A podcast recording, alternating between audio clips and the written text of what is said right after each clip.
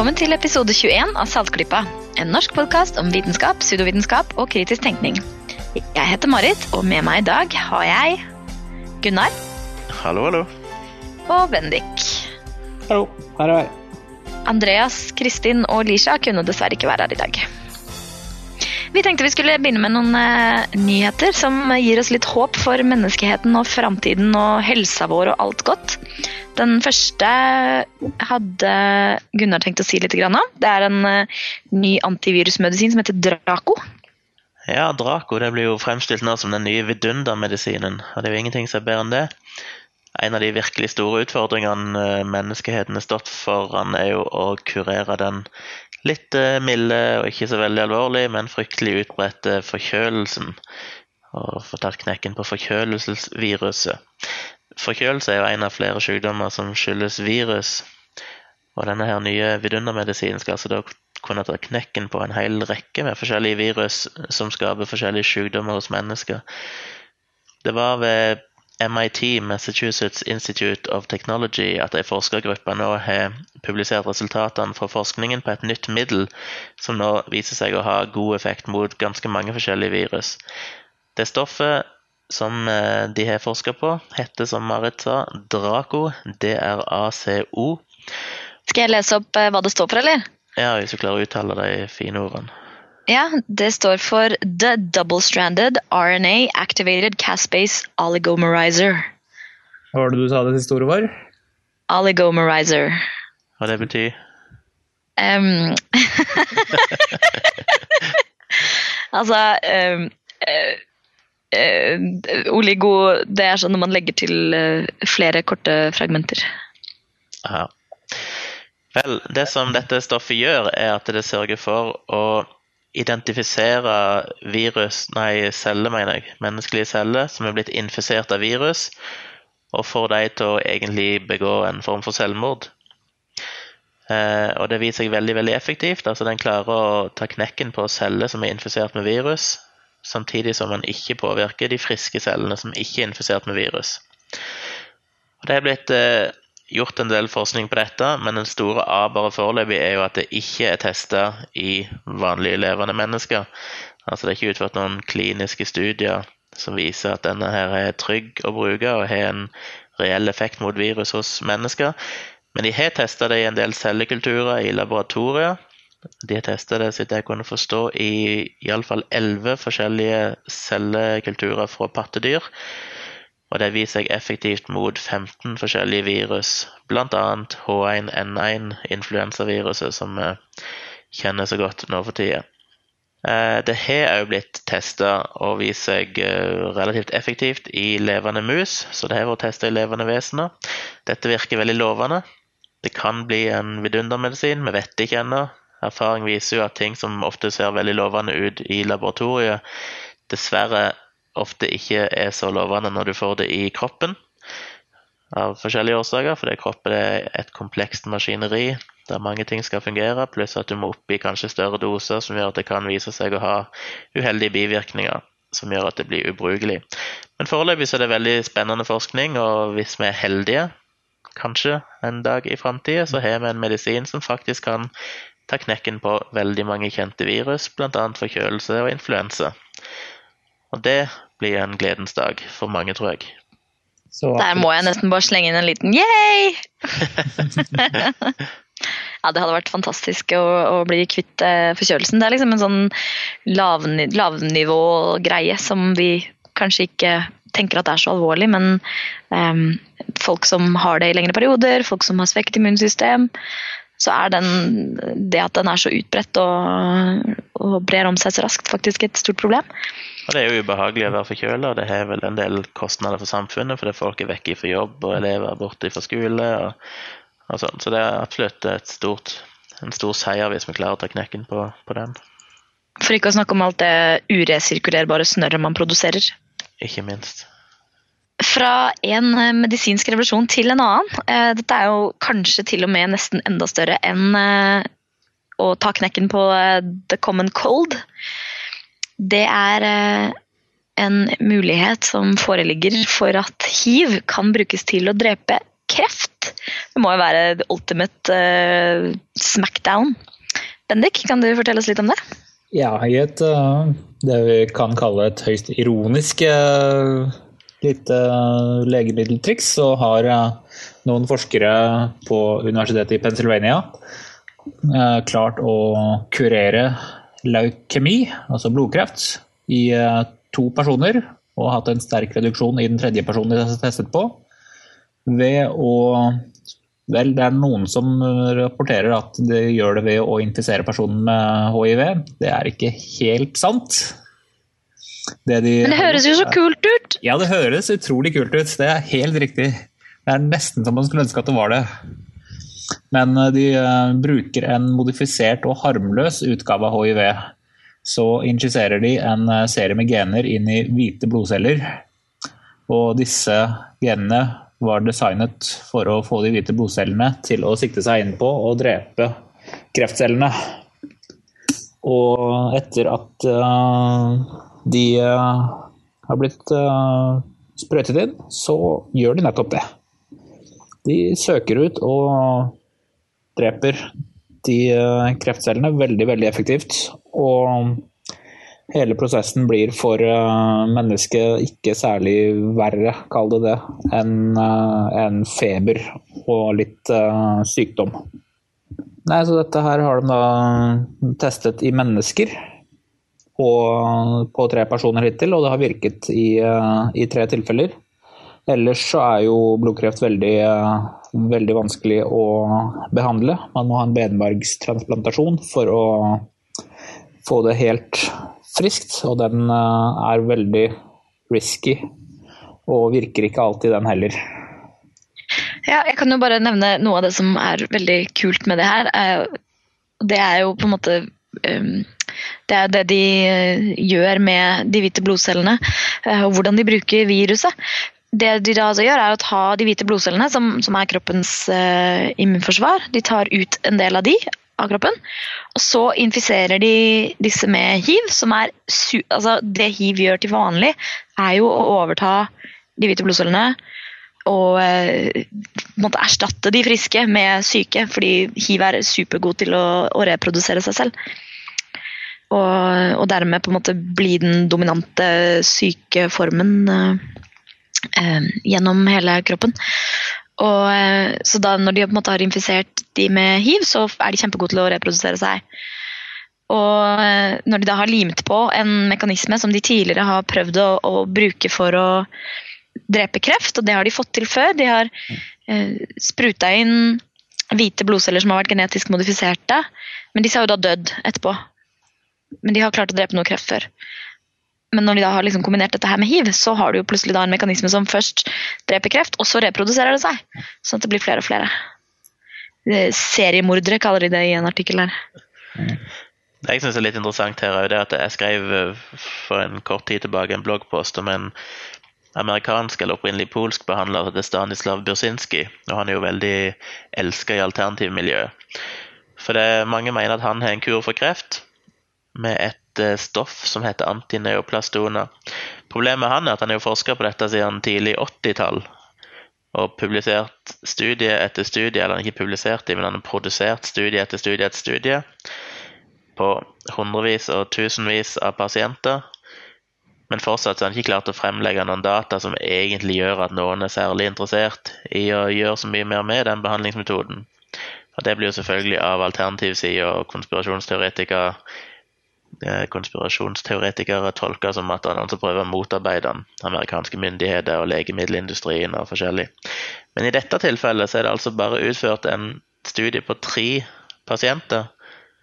Men de har altså klart å produsere så gode data at det nå ser ut til at det er veldig mange som kommer til å være interessert i å pøse inn penger på videre forskning. Så det sier litt om kvaliteten. altså Dette handler ikke om eh, mens Bersinski har testa det på tusenvis av pasienter, så har han altså ikke klart å dokumentere at det egentlig er noen reell effekt, fordi at kvaliteten på dataene hans er så dårlige. Men her med bare tre pasienter, så de altså klart å produsere en rapport som viser en såpass eh, klar effekt at eh, folk er rett og slett interessert, både myndigheter og legemiddelindustrien, i å gjøre videre forskning. Nei, som, eh, som, du sier, ja. Hittil så er denne her testet på bare tre personer, og på én veldig spesifikk uh, form for kreft. Men uh, nå kommer de, siden de nå har publisert ganske gode resultater, så kommer de nok til å gå i gang med noen større tester og mer involverende tester. Og med denne her har også, som, som tidligere nevnte Draco-behandlingen, muligheten til å revolusjonere feltet helt. Dette er jo det vi har venta på. En, eh, en, en, kur for kreft. Altså, man har jo lenge sagt at det kommer nok ikke én kur for kreft, fordi kreft er så mange forskjellige sykdommer som opererer på helt ulikt vis. Men hvis denne teknologien her kan la seg overføre, det kan den sannsynligvis, for det er en relativt enkel greie sånn rent genetisk, ser det ut til for meg iallfall, eh, så er det på en måte bare det, det du trenger, er å identifisere noe som klarer å angripe den relevante typen kreft. Og så kan du bruke denne her som en vektor, da, som en transportmekanisme, for å si det sånn. Og for å på en måte styrke kroppens eget svar mot kreft. Ja, så det var en uh, fantastisk uh, gladnyhet der, egentlig. Um, litt Ja, det er utrolig morsomt at når man setter to forferdelige kjemper mot hverandre, så gagner det menneskeheten. Det kan kanskje overføres til uh, Hva er det den filmen heter for noe? Uh, uh, Megashark versus Giant Octopus? Eller noe sånt noe. jeg ser paralleller. Staber med veldig god filmsmak, hører jeg. Ja, og ja. Um, da skal vi gå videre til å snakke litt mer om forkjølelse, faktisk. Gunnar har tittet litt inn i ulike forkjølelsesmyter. Kan ikke du fortelle oss litt om det, Gunnar? Ja, forkjølelse har vi jo snakka litt om tidligere i sendingen, og det er jo relevant for de fleste av dere. Alle voksne personer blir som regel forkjøla. Gjerne i snitt så regnes det at vi blir forkjøla to til fire ganger i året, mens barn blir gjerne forkjøla seks til åtte ganger i året.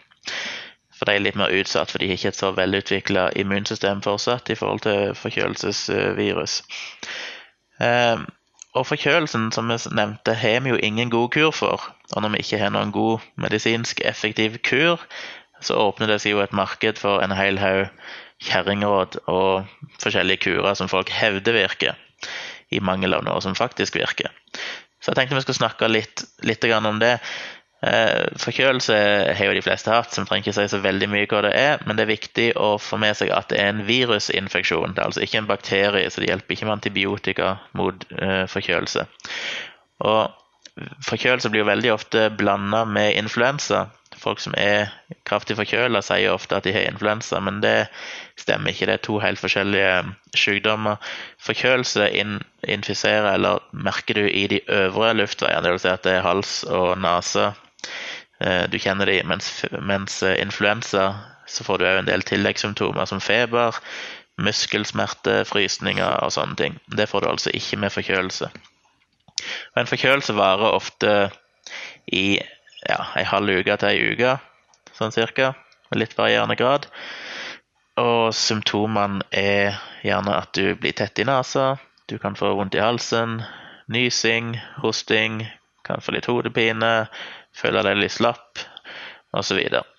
Forkjølelse skyldes altså et virus, og det smitter veldig, veldig lett. Men i motsetning til det mange tror, så smitter det faktisk ikke noe særlig grad via munn eller spytt. Så hvis du er i et forhold og du har en kjæreste som er forkjøla, så er det faktisk relativt liten risiko for å bli smitta hvis du kysser henne. Det kan være greit å vite for alle par der ute. Eh, forkjølelse smitter faktisk først og fremst via nesa og til en viss grad øynene. Og det er ikke helt godt dokumentert så jeg kunne forstå om det egentlig smitter via luft, altså via spyttpartikler i luftet. For det er relativt lav eh, dose med virus eh, som kommer fra spytt og munn.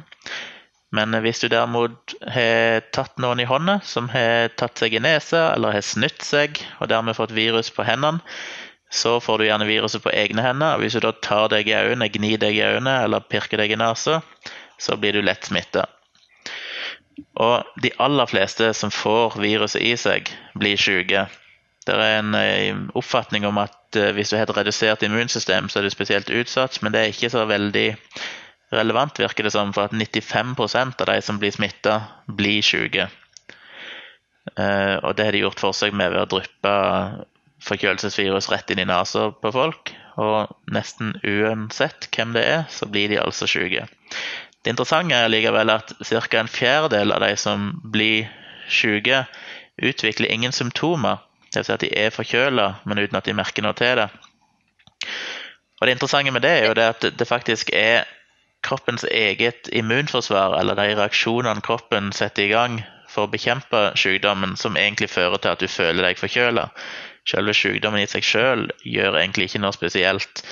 Sånn at uh, de som blir smitta og for så vidt liksom blir syke, da, men ikke utvikler noen symptomer, føler seg faktisk helt friske, og sykdommen går over like fort hos de som det gjør hos de som utvikler symptomer. Det, det jeg syns er interessant, er at det var det du syns var interessant. Det jeg syns var aller mest interessant, var det med at de drypper ting inn i nesen på folk og venter på at de skal bli syke. ja, syns du ikke det er fint gjort? Jo, jeg, jeg bare lurer på hvem er det som er med på den forskningen der, liksom? Hvor mye får de for det? Får de beskjed? Nå skal vi se om du blir forkjøla eller ikke. Jeg vil tippe de får betalt. Jeg vil tippe det er fattige studenter som blir uh, eh, smitta mot en liten slump penger. Tror du ikke det? jo, det tror jeg definitivt det er. Desperate studenter. Forkjølelse er jo typisk en eh, vinteraktivitet her i Norge. Så da har jo vi eh, lett, det ligger jo i navnet til og med også, lagt en link på at det kommer av å være kald. Er det, hvor riktig er det? Det er jo den veldig veldig kjente ideen om at hvis du fryser eller sitter i trekk, eller et eller annet, så blir du forkjøla. Jeg har jo sett folk som mener at hvis du f.eks. går med ei fuktig badebukse etter du har bada på sommeren, så blir du forkjøla, så det er viktig å få den av seg med en gang. Selv om det er steigende sol og varmt, så må du altså få av deg denne her shortsen som er eh, fuktig. Jeg har sett folk som sier at hvis de går i våte sko i lang tid, så blir du forkjøla. Men eh, jeg har ikke funnet noen ting som tyder på at dette med badebukse og våte sko har noe for seg. I det hele tatt, det med å være nedkjølt ser ikke ut til å ha noen som helst effekt på verken om du blir syk, eller hvor lenge du er syk, eller hvor store symptomer du har. Eh, det, altså... Men det å bli nedkjølt kan, kan på, i hvert fall på noen personer gi noen av de samme symptomene, siden i hvert fall i kaldt vær så begynner vi å snufse alle sammen? Ja, det er veldig viktig, og det merka jeg nylig sjøl. Jeg flyttet inn i ny leilighet, og så lå jeg og sov under et åpent vindu.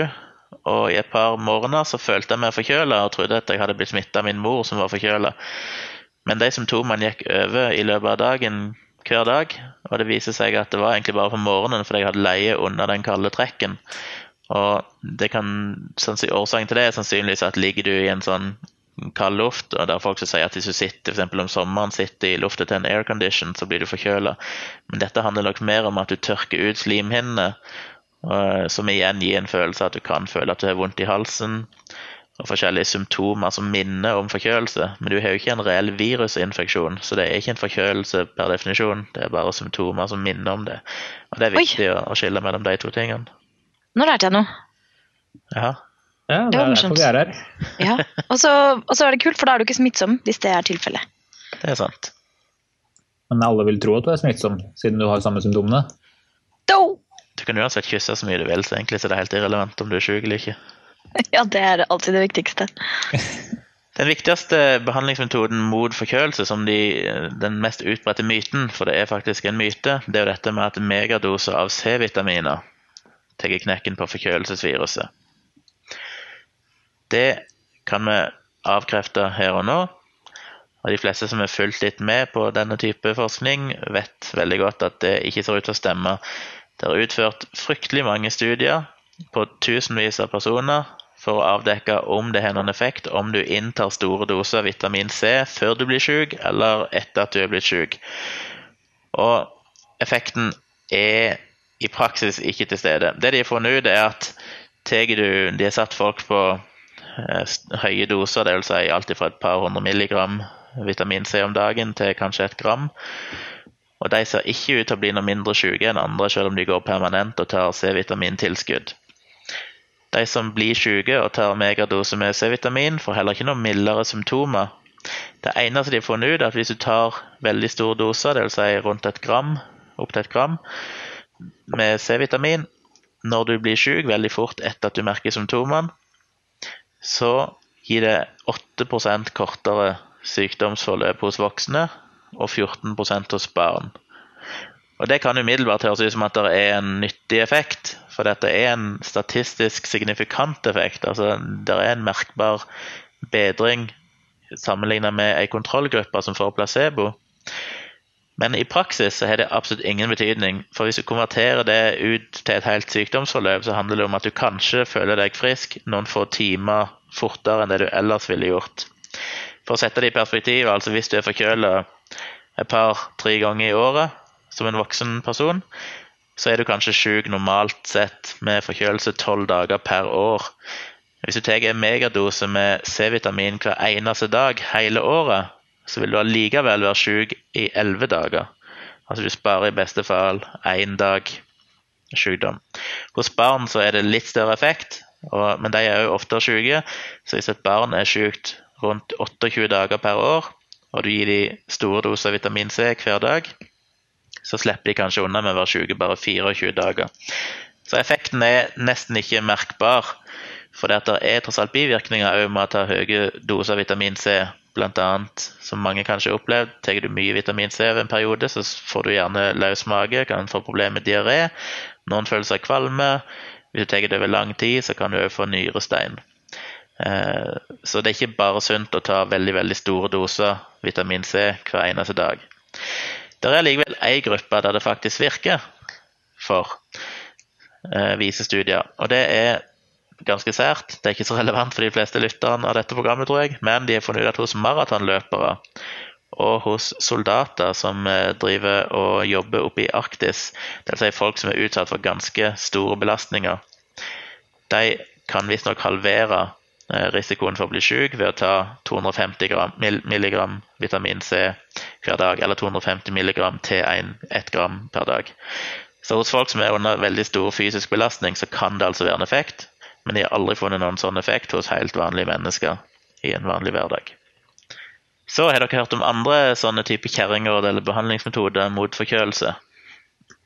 Ja, det er noen det er mulig det er eh, mer om personene som driver med dette, enn eh, selve behandlingen. Men det er jo de personene som sverger til at uh, sprit og brennevin kurerer jo alt.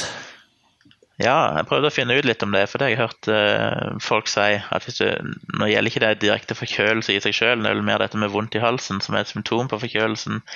Da skal det kunne hjelpe å drikke alkohol. Ta et glass konjakk eller whisky, så, så hjelper det.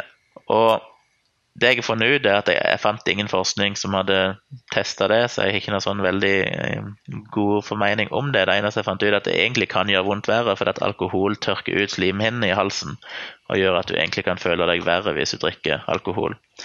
At det skal ta knekken på, på virus. Og det er ikke sterk nok uh, til å ta knekken på det, nei? Jeg hadde ikke trodd det. Det går vel såpass fort gjennom systemet at det, det ville være rart om det skulle desinfisere hele systemet på den måten.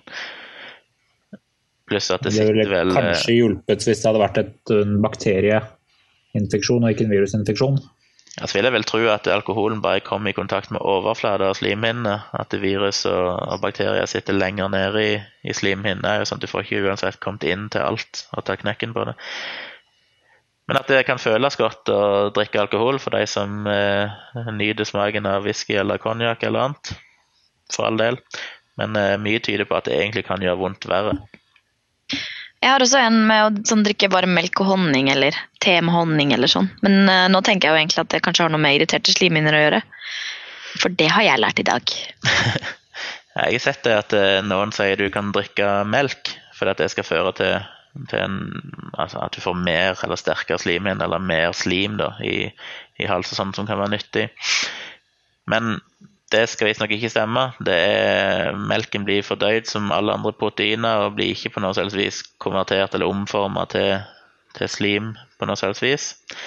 Eh, det har jo vært utført studier på dette som bekrefter det, at du får ikke noe mer slim av å drikke f.eks. melk.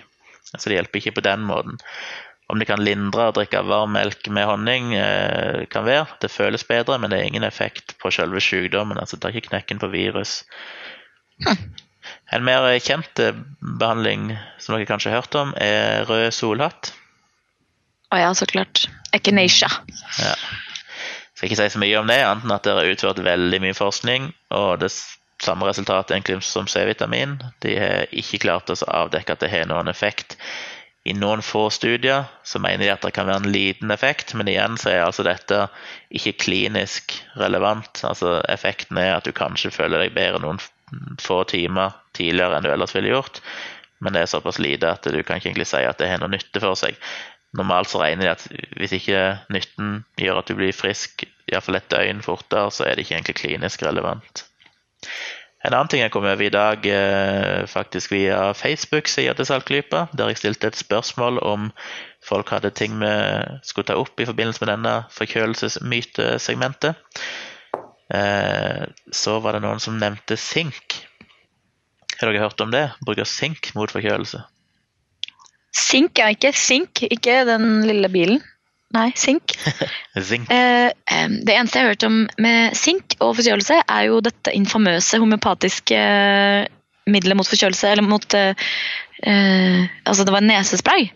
Som Ja, påsto å være et homeopatisk middel, men som egentlig slett ikke var det. For det inneholdt svært høye doser av sink.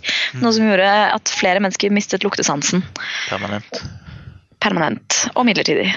Ja, det har vært utført en del forskning på bruk av sink mot forkjølelse, fordi at sink skal hemme eh, reproduksjon av virus, sånn at de ikke får spredt seg og multiplisert seg på samme måten. Så derfor mener jeg at det kanskje kunne ha en effekt mot forkjølelse. Så det har vært utført studier på dette, og da har de testa å ta eh, en viss dose med sink i løpet av 24 timer før du får de første, eller etter du opplever de første forkjølelsessymptomene. Og Noen studier viser at det kan være en effekt av det, både på varigheten av sykdommen og på hvor alvorlige symptomene er. Men igjen, sammen med rød solat og C-vitaminer, så mener de at denne effekten ikke er klinisk relevant. altså Den er så liten at det er snakk om noen få timer. Det de derimot har funnet ut, er at hvis du tar sinktilskudd, så vidt jeg kunne forstå, så var det fortrinnsvis gjennom å ta det via sugetabletter i mer enn fem måneder, så kunne du redusere risikoen for å bli forkjølt. Men eh, det måtte de utføre mer forskning på. De vet ikke helt hvilken dose du må ha, du vet ikke egentlig hvor lenge du må innta dette. De vet ikke hvilken form, om det er det samme om du tar tablett eller tar det flytende osv. osv. Pluss at å innta sink på den måten der òg har en del bivirkninger. Så om det egentlig er verdt det, er et stort spørsmål. I det store og hele så kan en ikke si at sink har noen god effekt mot forkjølelse. Jeg synes også vi skal nevne, for Det var en studie som var omtalt ganske mye nå rett før sommeren, for jeg husker, der de mente at konklusjonen var at det å, å ta et eller annet, uansett hva, du, hva, det er for noe, om det er rød solat eller C-vitaminer eller sink eller whatever, var greit nok. For at eh, en studie viste at bare placeboeffekten i seg sjøl var nyttig. Så det de gjorde, var at de tok en gruppe folk inn og for å ha med den studien, og så spurte de de på forhånd hvor stor tro de hadde på at rød solhatt ville ha en effekt mot forkjølelse. Og så ga, ga de disse pasientene rød solhatt, og det viste seg at den røde solhatten i seg selv ikke hadde noen effekt. Men det de fant ut, var at de som på forhånd hadde meldt at de hadde størst tro på rød solhatt, ble fortere friske.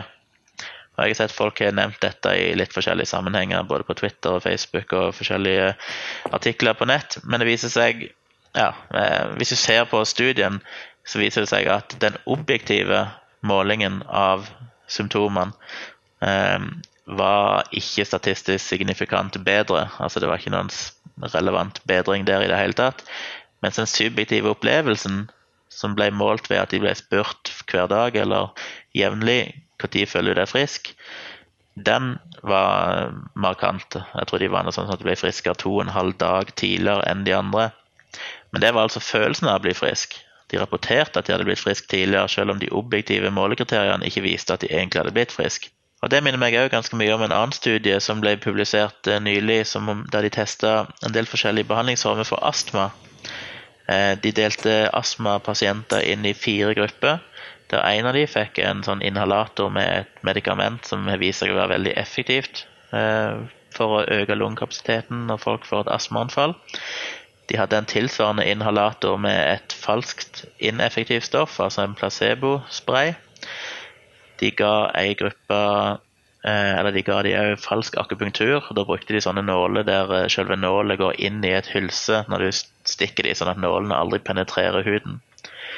Og så til slutt eh, hadde de ei gruppe der, som ikke fikk noen behandling. Og alle pasientene, tror det var 39 stykk, gjennomgikk alle de fire forskjellige behandlingene eh, tre ganger. sånn at de totalt sett fikk tolv behandlinger hver i litt forskjellig rekkefølge.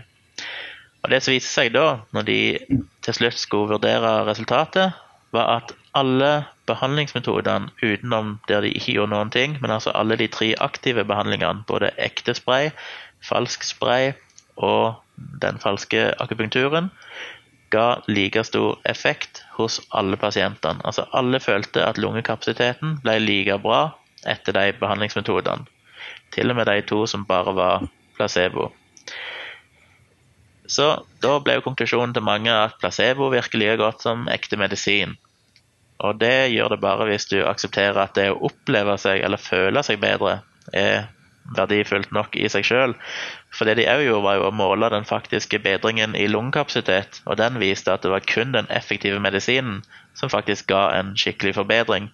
De to andre, altså falsk akupunktur og sånn placebo-inhalatorspray, ga samme resultat som å ikke få noen behandling i det hele tatt. Altså egentlig ingen forbedring. Eh, og Det tror jeg er relevant for mange av disse her kjerringrådene og C-vitaminer, solhatt og sink og alt mulig som folk bruker mot forkjølelse. Altså Du kan absolutt føle deg bedre uten at du faktisk er blitt bedre. Så er jo alltid diskusjonen er det verdifullt nok i seg sjøl. Hvis du føler at du er blitt frisk for forkjølelse, selv om du egentlig ikke har det, eh, så er kanskje det verdifullt. Men det må allikevel ikke forveksles med at disse behandlingsmetodene som C-vitamin og rød solat faktisk har en reell klinisk effekt på sykdommen. For det er det omfattende studier som viser at de ikke har. Det er jo eh, viktig å huske på. eh, Det er jo en slags analogi der til eh, vaksiner. Og folk som sier ah, nei, men den sykdommen der, den rammer ikke meg. Men det er ikke bare deg man skal tenke på, man skal også tenke på alle de man potensielt kan smitte. Ja, Det tenker må jeg kanskje si. gjelder litt med å bli kurert der. Ja, det må jeg si, for det er ganske fascinerende at når jeg har lest om dette og forberedt meg til dette i dag, så det faktisk vist seg at det er mange plasser der står at det å f.eks. snyte seg er noe du helst skal unngå når du er forkjøla. Både fordi at snørr i seg sjøl har en effekt eh, der det er, men òg at ved å snyte seg, så sprer du smitte. Så du skal i størst mulig grad faktisk unngå å snyte deg, og ikke minst prøve å unngå nysing og hosting. Og hvis du gjør det, så skal du helst gjøre det i armen din, eller iallfall vekk fra folk. Men det farlige her er jo at du skal ikke få å, å nyse eller hoste i hånda, eller å snyte seg sånn at du får virus på hendene, er jo det aller verste du kan gjøre. For da smitter du garantert andre mennesker. Men det må jo være bedre at jeg går inn på badet og snyter meg og liksom putter det som kommer ut i do eller søpla og vasker meg godt på hendene og går ut igjen, enn at jeg hele dagen sitter og snufser og snufser og snufser og får snørr på ermene. Både òg fordi at det viser seg at hvis du snyter deg, så har du en tendens til å føre infisert eh, snørr, eller iallfall sykdomsfremkallende stoff, opp i f.eks. bihule, og det øker sjansen for å få bihulebetennelse og mellomørebetennelse. Så det å snyte seg kan faktisk gjøre vondt verre for deg sjøl òg. Du kan bli mer syk og få tilleggsinfeksjoner andre steder i, i systemet. Hæ? Jeg snyter meg Ja. aldri når jeg er syk, så jeg bare plager omgivelsene med å sitte og snufse hele tida, men til gjengjeld så blir jeg kanskje mindre syk. Hvorfor skal noe så simpelt og hverdagslig som en forkjølelse være så utrolig komplisert? Sånn er verden. I think you'll find it's a bit more complicated than that, som Ben Goldacre sier. Skuffa er jeg over verden. Nei, du må ikke være skuffa. Det er kult. Det er noen ganger litt eh, kaotisk å forholde seg til, men stort sett så er det veldig gøy. Jeg tror faktisk at vi skal forlate snørr og gurr og gøffe og snyting og alle ekle ting akkurat nå eh, for i dag. Og heller gå til et intervju med en annen som sikkert kunne fortalt oss en ting eller to om det vi akkurat har sagt, for det er en lege som heter eh, Steven Novella. Og eh, Bendik og jeg var så heldige å møte ham på TAM i Las Vegas, så her får du høre den praten.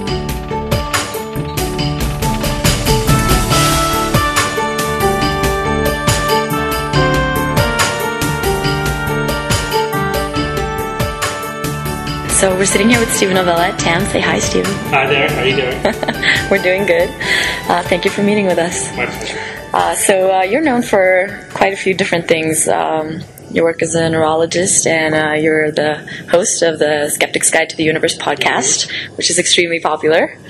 And uh, also in Norway, and uh, you also write and uh, I guess edit sort of the science-based medicine blog. That's right. Yeah.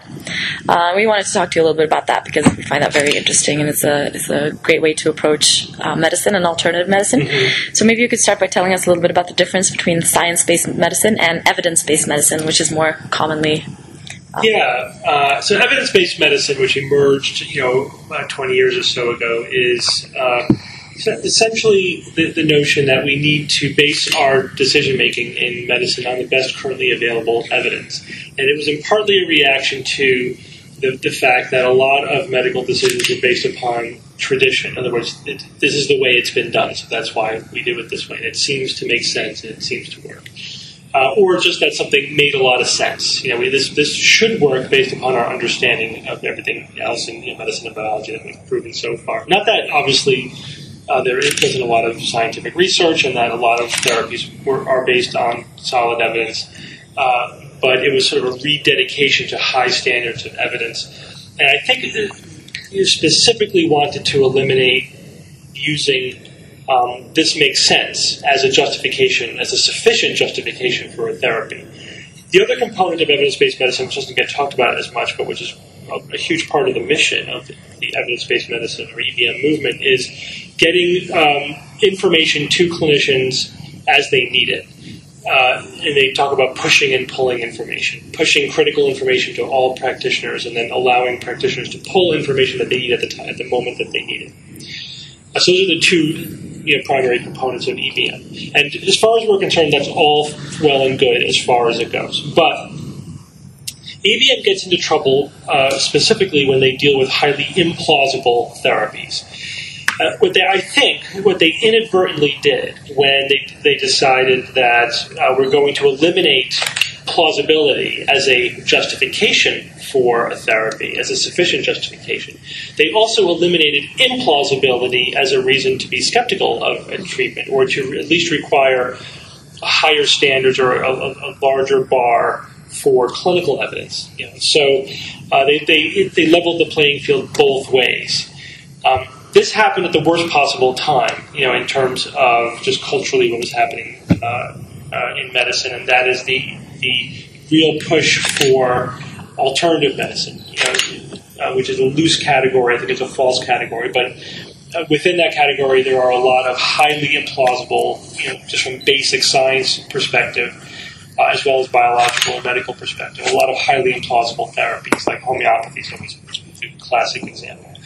Um, so therefore, with, a, with an EBM approach, you, have a lot of uh, like uh, systematic reviews, you know, evidence-based or EBM systematic reviews, looking at homeopathy for a specific indication. And sometimes they say it's negative, you know, depending on how much research has been done. Sometimes the conclusion is something to the effect of, well, there isn't evidence to really conclude that it works, but neither is there enough evidence to conclude that it doesn't work. So this needs more research.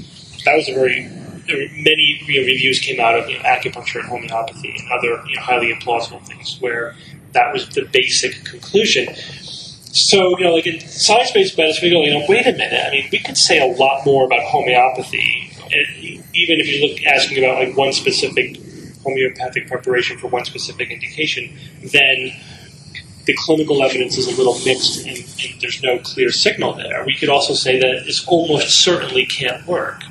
And if you look at that, at the clinical evidence in the context of the basic science, uh, then you, uh, you come to a very different conclusion that this is what we would expect to find for a completely ineffective treatment. And everything else we know about science tells us that this should not have any possible you know, mechanism of action. And that, that doesn't lead you to the conclusion that we should continue to do more research, you know, throw more research resources down this hole, but rather that this is a dead end. Let's abandon it and, and move on already.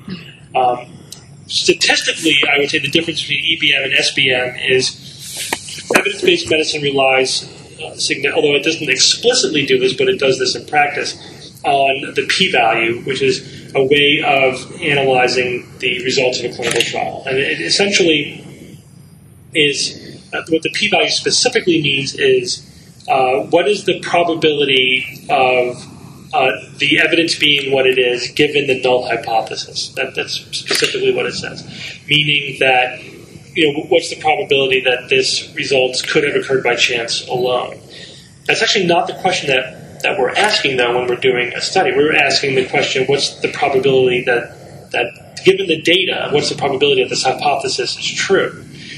Uh, as opposed to given the hypothesis, what's the probability that the data is true? And that's not a trivial difference. It actually makes it make, can make a big difference in how you interpret the evidence.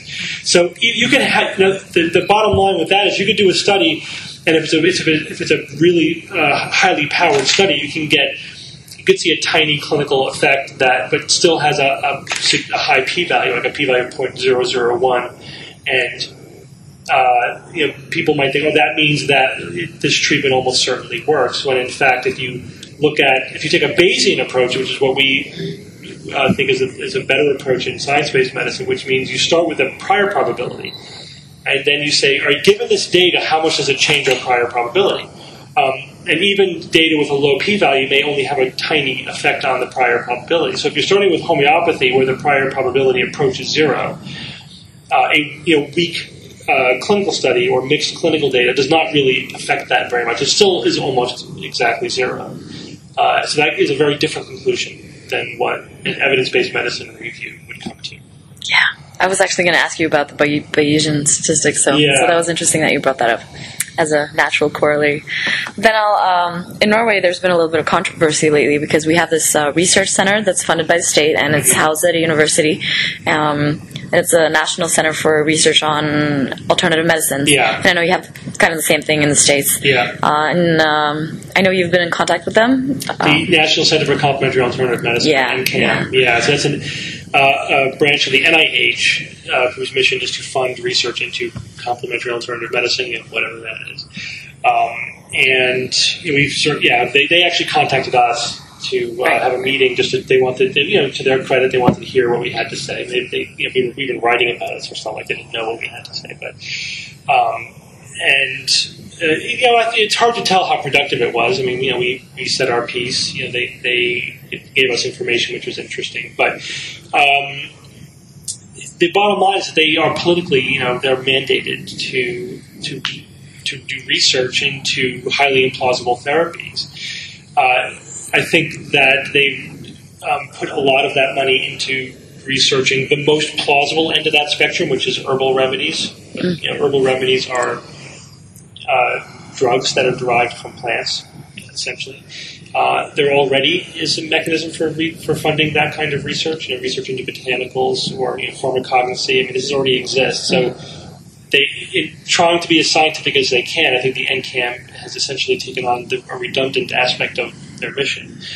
Um, they still put a lot of money, uh, unfortunately, into promoting CAM or into doing studies which are not efficacy trials. They're sort of putting the cart before the horse, looking at how CAM gets implemented and the and um, pragmatic studies about how it's how it's effective in use, as opposed to efficacy trials, which are asking the more basic, fundamental question, which I think is, you know, until this gets answered, everything else is, is moot, and that is, does it actually work? Yeah. Um, ironically, and I actually I predicted this 10 years ago when uh, the NCAM was, you its funding was growing every year, and the uh, CAM proponents were crying for more resources to do research. At the time, they were saying, give us money to do good scientific research into these modalities, and we are going to find the uh, the diamonds in the rough. Right, we're going to find those gems in there that real that are going to transform medicine. We're going to prove that these that these things work. And well, at the time, I was saying I had, you know, always had mixed feelings about doing research into these modalities because I think it's a waste of time and resources. You know, from a scientific point of view, I didn't think it was going to change anybody's minds, and it was just going to lend a false legitimacy to these therapies by just the fact that they were being researched. That's what was going on at that time. But I also said but uh, you know, my hope was that eventually the CAM proponents were going to be sorry what they asked for. You know, they're going to get what, what they deserve. If they actually do manage to pull off good scientific studies of these modalities, those studies are almost guaranteed to show that they don't work. And then what are they going to do? You know, I think they're going to they're going to just ignore those results. So here we are, billions of dollars later, you know, 10, 20 years later, after you know a lot of research has been done, we now have you know really good studies in homeopathy and in acupuncture uh, and in a lot of these modalities. Not all of them. There's still some coming down the road. A lot, all the most popular herbal remedies have all been studied and they don't work. Um, and so the proponents uh, have not abandoned these modalities, uh, which is again something I predicted they would not do. But uh, now they've shifted the conversation, which is a partial victory for us. They've shifted the conversation to, all right, so these things don't work any better than placebo. But that's okay because the placebo effect is very effective. Mm. And now we're, we're going to be doing good by giving a good, solid placebo effect. We're better at giving the placebo effect than mainstream practitioners. And we'll throw in some commonsensical lifestyle stuff as well. And we're going to claim that we're better at that too. So that's their latest strategy, which is a tacit admission that we were right all along. Yeah. That these things are no better than placebos. They're just elaborate ritual placebos, which they were screaming was not true 10 years ago. Now they're embracing that, but saying, but turning it on its head again and saying, well, okay, that's, that, that's all we've been saying is that this, the outcomes are good because placebos are effective and people, you know, adopt healthier lifestyles when they come to us, which is, I don't think they've never demonstrated that. So that, that's the current battleground. Reminds me very much of what it is like in Norway. And um, whenever the the chair of the center uh, is in the media, he says that, well, you know, I might not do research on if acupuncture works, but I do research on whether going to an acupuncturist works. Right. Yeah. And That's um, exactly right. That's yeah. exactly the reflection of this shift in strategy. Mm-hmm. They've given up on trying to prove if it works because it doesn't. Right. Because it doesn't work. And they count on the fact that most people, including many professionals, don't really have a solid operational working definition of what placebo effects, plural, are. Um, they're not aware of things like regression to the mean. Mm. You know, if you ask 100 people, doctors, you know, researchers, and people on the street what the placebo effect is, I guarantee you, unless you're at a skeptics convention, no one's going to include regression to the mean as a, as a cause that you know people get better. Yeah. They they uh, seek out treatments when their symptoms are at their worst. And when their symptoms are at their worst, that's almost guaranteed to be followed by a period where their, system, their symptoms are not at their worst. They're, they're better than their worst. So anything you do when your symptoms are at their peak is likely to be followed by some improvement. If you have a syndrome with waxing and waning symptoms, which most chronic illnesses do. Yeah. Um, also, as a part of this debate, uh, one of the prominent skeptical doctors in Norway said that uh, we have uh, we've lost the placebo, or the, the medical sciences have lost the placebo, and we need to reclaim it. Yeah. Um, do you think we have any hope of doing that, or how could we do it? Uh, I don't know. You know, it's, I, I have not been able to um, you know, really see how this is going to unfold. Uh, I, I think that they're the, the you know the proponents are pretty predictable uh, in that in certain respects, in that they're not going to give up their preferred modalities. Uh, that that's the that's the core. They are promoting the things that they do. And they're, they're just trying to find an indication and a justification for them. They're not going to stop that. That much is predictable.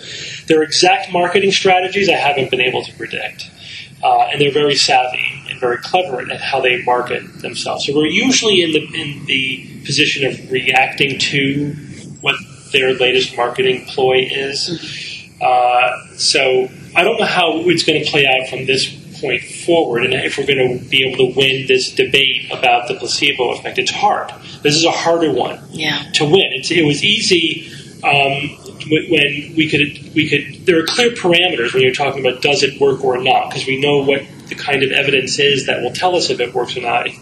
And because um, you know homeopathy doesn't work, uh, for example, we already knew that it didn't work because there was already plenty of data to show that it didn't, and because it's impossible as far as science is concerned. So, um, uh, you know, either there would be there were good studies which showed that it didn't work, or there were crappy studies that would have whatever results. You know, that would have some positive results. So, but we could deal with that, right? That's what all science, all medical scientists know how to evaluate a, a clinical trial and look for weaknesses and you know, and interpret the statistics. That's bread and butter. That was not an issue. I knew what, doing that was not going to be a problem for us, and we would win that debate as far as it went. The placebo effect one is a lot harder, um, and uh, it's harder. It's a more subtle argument. It's a more subtle debate it's uh, it takes a lot of. That's why we're having a, our panel discussion this year uh, at TAM is on the placebo effect, just to talk about the, the placebo effect, because now this is where the this is where the battleground is. Uh, so I think you were getting pretty good at sort of figuring out things pretty quickly, you know, where the battleground is, and, and getting that word out there. Um, but uh, but this is a tough sell. We just had a, a row with a reporter from the Atlantic who wrote a very gullible piece, in my opinion, about uh, alternative medicine, and essentially bought the line about well, it doesn't work, but the, but but you know, like acupuncture doesn't work, but going to an acupuncturist works. He bought that. Yeah. He was convinced of that from the proponents, and we could not dissuade him from that line. And and, the, and then we got into a blog argument about the, that whole issue after the fact, and it was. You know, he told the reporter dug in his heels, and we just couldn't get through. It was very disheartening. Uh, so I think that's a sign that this is going to be a tougher sell. And there's also the ethics of it, Mhm. because some people kind of resist that your doctor should be able to give you a placebo, while as going to an alternative uh, alternative practitioner is sort of okay. Well, I think if you, it depends on how you put it. I mean, I think uh, it's like any survey question. You can ask the question in three different ways in order to get three different answers, right? So, uh, it, for if you ask people, do you think that you're that anybody that any practitioner should be allowed to lie to you? Uh, most people would say no. Uh, there's also an, an, ethic that ha is clearly in place that uh, called informed consent. That you know, any patient has the right uh, to be properly informed about the, the true risks and benefits of any therapy. Uh, and it's unethical, you know, not to provide reasonably adequate informed consent. Certainly, lying to a patient about the effectiveness of an intervention is is violating the ethics of informed consent. And, and if you put it in those ethical terms, I don't think anyone is would saying or would say yes, it's it's okay to violate a patient's right to, to informed consent. Um, so uh, it's not that it's that anyone is explicitly saying it's okay for alternative practitioners to lie to patients. It's just that they do, Yeah. and they whether they're lying deliberately or they know they're intellectually cutting corners, but they sort of semi believe what they're saying, or they fully believe what they're saying. Um, it doesn't really matter. They're not doing sort of intellectually rigorous due diligence to make sure that what they're telling patients is reasonably evidence based or and based on some science. It's just a made up belief system that they believe, and so they think that what they're telling patients is reasonable, but but it isn't because they don't have a culture of science and you know, critical thinking. Um, uh, I wanted to also ask you a little bit about promoting science and medicine uh, because it's very difficult and it seems to not be getting through to the public, uh, and our efforts seem to kind of be washing away a lot. Uh, and the way science papers are reported in the media and, and everything. Uh, do you have an opinion or something you could share on that? Yeah, it, it, uh, I agree with you that it's challenging. Uh, I don't know that we're having no impact. It's it's a little hard to measure. I think that um, one the the base service that we do right now, which is uh, is definitely valuable. It's certainly not the end of our efforts, but is we are a resource of information for people who are looking for the information. So if you are wondering, should I get you know buy this product or get this therapy or whatever, and you are looking for information to inform your decision, we provide the science-based and skeptical information that helps people make that decision. That that much I think we've accomplished, uh, and that's because you know the internet makes it easy for us to do that because uh, uh, the way that um, Google ranks sites. Uh, that you know, I think uh, we have a lot of quality science websites out there providing this information, and we network well with each other. That uh, often, if you look on any alternative modality, a, a solid, you know, scientific or skeptical uh, article about it is going to probably come up on the first page. So that's that's a huge win for It us. is. you It know. Uh, as far as uh, affecting you know, broader public opinion, uh, I think we, we have not penetrated at, to that level. Um, you know, all the money and resources are on the other side. You know, there's no money in saying that something doesn't work. There's Right. a lot of money in saying that something is you know, making health claims about a product. Uh, so that uh, definitely works against us. and uh, again, we've been in reactive mode in terms of the the uh, marketing strategy, uh, and that means we're a little bit we're definitely we're behind in terms of like really figuring out what their what their game was. So uh, I think the proponents have a very slick um, message, and they they can tailor that message to academics, to journalists, to regulators, to the politically right, the politically left. You know, they sort of have a you know know how to deal with the, the full spectrum. It's all bait and switch. You know, it's all not they're not honest about what they're really about.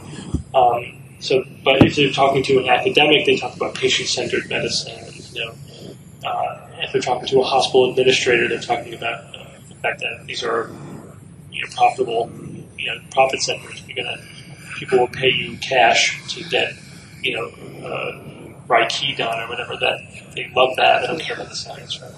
Um, it, and you know, they, at least in the, in the, the, U.S. on the political left, they talk about you know we can't let the corporations control medicine. They're talking about the right to say we can't let the government regulators control medicine. You know, they just know exactly what to say no matter who they're talking to. Mm-hmm. Um, and uh, what we're selling is uh, a, a, pretty sophisticated scientific approach to all of this, and it. You would think that, that the academics would be our natural allies, but uh, and we do certainly find a lot of allies within academia, but but not enough, and not as much as we really should have. And fortunately, it take, even a minority of proponents within academia are having a hugely disproportionate effect, mm. and a large, that's largely due to, to two things. One is political correctness, just the idea that oh we can't be too hard on them, um, and the second is the um, the the bait and switch, which uh, uh, you know again, so they don't.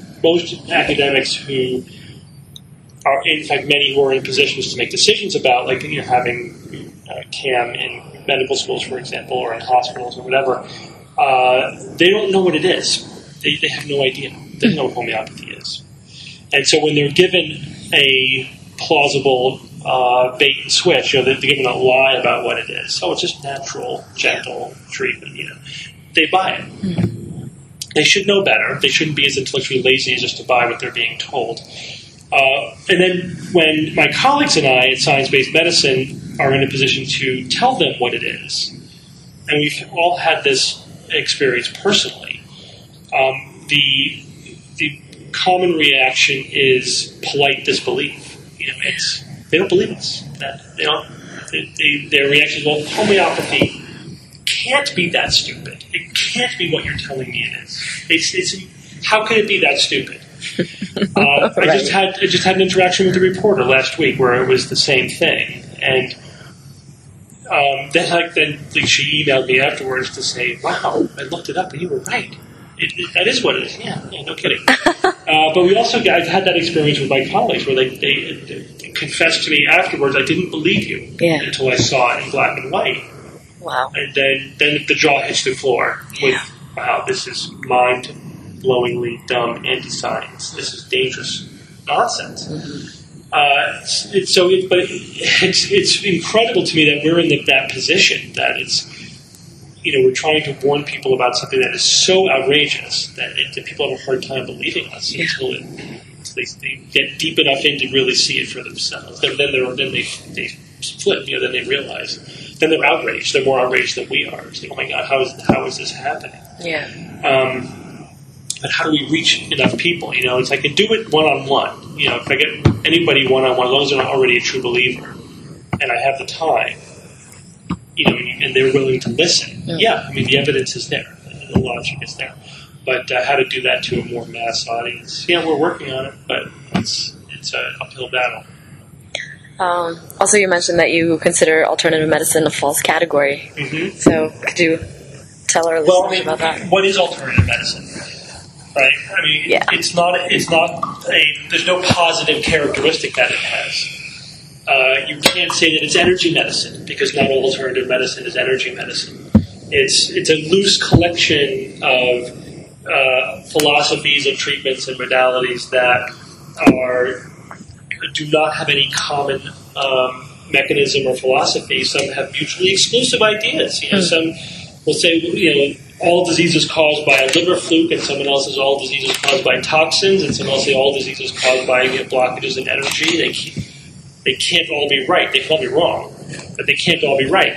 Um, so that's why it's not a real category as we would otherwise categorize you know ideas or sciences or whatever, where there is a consistency. Uh, um, and there are you know, positive things that identify. What alternative medicine is, whether you call it complementary or integrative, whatever you know the latest label is, it's everything that isn't science-based accepted medicine.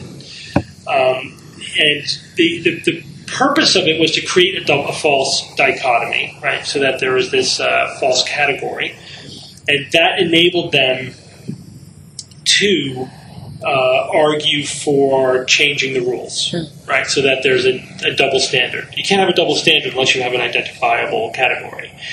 Uh, so they wanted a double standard for funding research. That was NCAN. They mm. want a double standard for peer review, so they get their own journals. They uh, want a double standard for evidence. You know, they don't they don't want to abide by what we've hammered out as the, the, the, our current understanding of the best rules of evidence.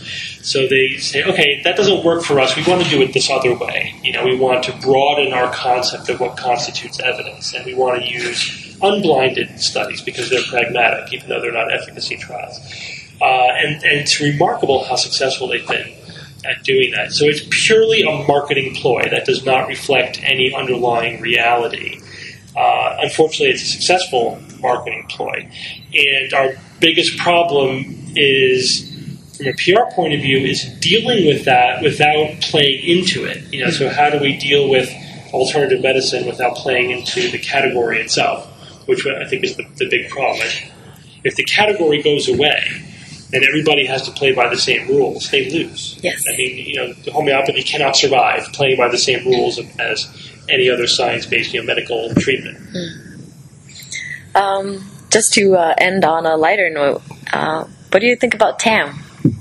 TAM has been awesome this year. The lineup of speakers is great. I'm sure you can probably hear this from everybody you're talking to here. Um, you know, we're very busy at TAM. This is sort of a working conference for us, but we love it.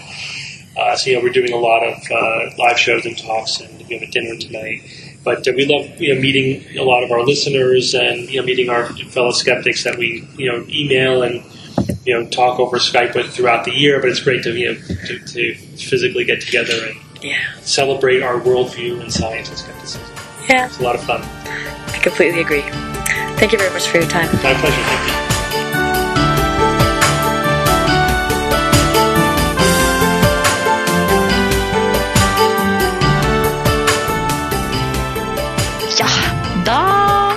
hopper vi videre til ukens anbefaling. Bendik, har du lyst til å anbefale noe for oss i dag? Det er så at eh, om ca. to ukers tid den, eh, Nå skal jeg bare sjekke i notatene mine her, så jeg ikke sier noe dumt selv. Søndag 4.9. klokken fem over åtte på NRK1 så begynner en uh, ny og spennende serie som heter Siffer. Det er eh, matematiker Jo Røiselien som skal ta oss på det de kaller en spennende reise gjennom tallenes verden for de som ikke er så veldig glade i tall. Nå, det er jo sånn at uh, veldig mange har litt mattefobi straks man kommer ut av barneskolen. Og denne serien her har tenkt til å prøve å forklare at tall og statistikk de er ikke så gærne allikevel. Og at det kan være noe vi kan bruke mer av til daglig. Anbefaler veldig at uh, søndag 4.9. så slår man på NRK1 og ser på Siffer. Det tror jeg blir eh, skikkelig morsomt. Eh, du kan få se en preview hvis du går på nrk.no og søker. Og på facebook.com så er det også en page der med, med litt preview. Og ja, jeg kan avsløre, jeg har faktisk sett en av episodene, og det var skikkelig, skikkelig, skikkelig gøyalt. Så jeg gleder meg stort. Da gjenstår det bare å takke for i dag og ønske alle vel hjem uten snørr i ermene. Så eh, takk og farvel, alle sammen. Ha det bra. Ha det bra. Ha det godt.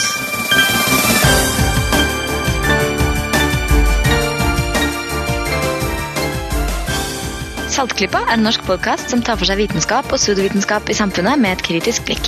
Podkasten produseres og drives på frivillig basis, helt uavhengig av noen organisasjon. Vi vil gjerne høre fra deg. Hvis du har spørsmål eller kommentarer, kan du sende oss en mail, legge en beskjed på Skype eller skrive en kommentar på vår nettside. Informasjon om dette samt linker og notater til det vi har snakket om, finner du på saltklypa.no. Selv om denne episoden var full av snørr og gørr, ble den produsert helt uten snyting. Men ikke uten syting.